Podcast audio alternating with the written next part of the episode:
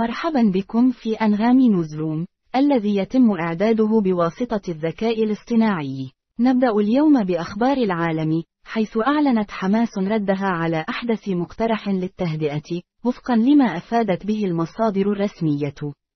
وفي سياق متصل، يتواجد وزير الخارجية الأمريكي، بلينكن، في إسرائيل بعد تلقي الأخيرة رد حماس على المقترح المذكور.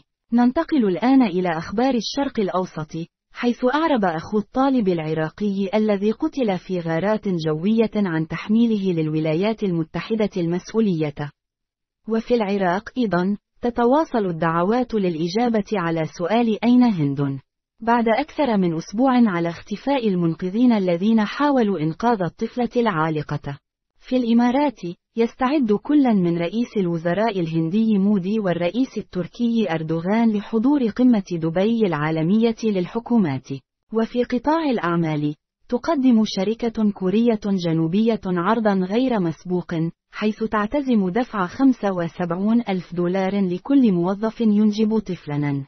وفي عالم التكنولوجيا، تهدد النجمة الأمريكية تايلر سويفت باتخاذ إجراءات قانونية ضد طالب فلوريدي يتتبع طائرتها الخاصة. وفي الرياضة، أعرب النجم الأرجنتيني ليونيل ميسي عن أسفه لعدم قدرته على اللعب في هونغ كونغ.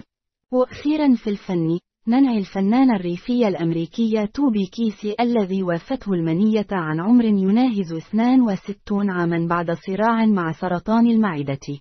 متابعة للنشرة، اسمحوا لي أن أرحب بمحرر الأخبار.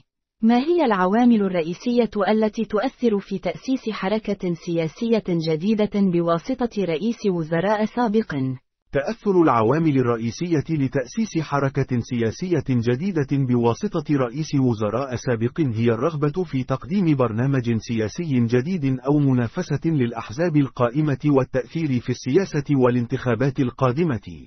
يمكن أن تشمل العوامل الأخرى تغير في المناخ السياسي الحالي أو التحولات الاجتماعية والاقتصادية التي تؤثر على الناخبين. شكرا لاستماعكم، ونتطلع لمشاركتكم المزيد من الأخبار في الغد. كما نوصيكم بالاستماع إلى أغنية في بالي للفنان بدر الشعيبي على أنغامي.